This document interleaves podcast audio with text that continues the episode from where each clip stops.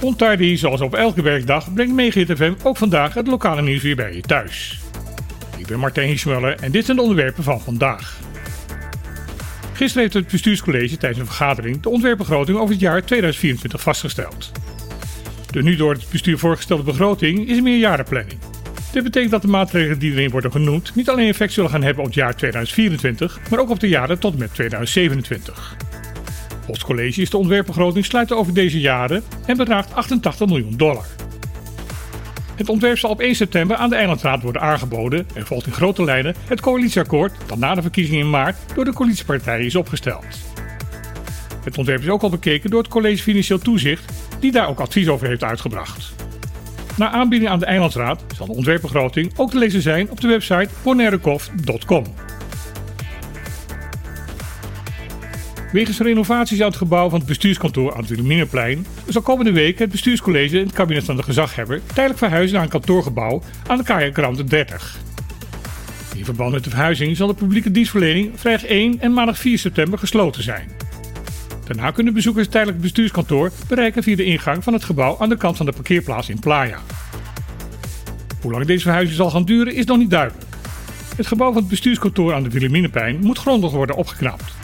De nieuwe tijdelijke huisvesting is nodig om de veiligheid van de medewerkers en de bezoekers te kunnen garanderen. Het karakteristieke monumentale pand zal in de tussentijd volledig worden opgeknapt en in volle luister worden hersteld. Het gebouw is aangemerkt als cultureel erfgoed. Het vliegveld met de kortste commerciële landingsbaan ter wereld bestaat 60 jaar. Het landen op het vliegveld van Saba is al die 60 jaar een echte belevenis geweest. Piloten die daar landen en opstijgen moeten eerst een speciale training krijgen voordat ze toestemming krijgen om samen als bestemming te kiezen. 60 jaar geleden werd er gezegd dat er geen vliegveld op Saba aangelegd zou kunnen worden, omdat er op de flanken van de vulkaan waarop Saba is gebouwd geen vlakke plek gevonden kon worden die lang genoeg was om als airstrip te kunnen fungeren. De Sabaan hebben daarna bewezen dat de externe deskundigen in de tijd het mis hadden. Tegenwoordig vervult het vliegveld een onmisbare rol in het ontsluiten van het eiland en het contact met de buitenwereld. Toen in 2020 tijdens de covid-crisis de vliegtuigmaatschappij Winair, die dagelijks op het eiland vliegt, dreigde om te vallen, moest de Nederlandse regering ingrijpen om dat te voorkomen. Het wegvallen van de vliegverbinding zou rampzalig zijn geweest voor het eiland. Afgezien van de korte runway is Sawa Airport verder geheel bij de tijd. Een aantal jaren geleden is de baan volledig vernieuwd en aangepast aan de moderne normen.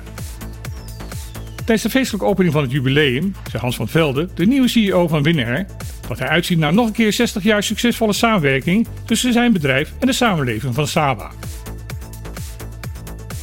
Er is veel kritiek geweest hierover de laatste tijd op de regering, maar nu is het toch echt bekendgemaakt.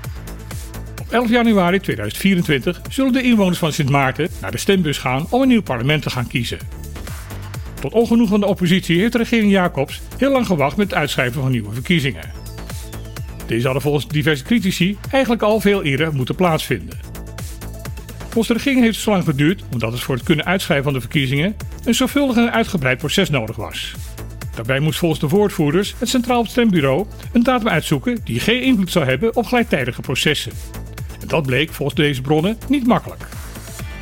Nieuwe politieke partijen die aan de verkiezingen willen meegaan doen, kunnen zich aanmelden tot 11 oktober. Drie maanden later zal het dan verkiezingsdag zijn. Weer een maand later zal het parlement in de nieuwe samenstelling geïnstalleerd gaan worden. Dit was hier het lokale nieuws van vandaag op Megahit FM. Ik wens iedereen nog een mooie dag toe met veel vrije keus en dan heel graag weer.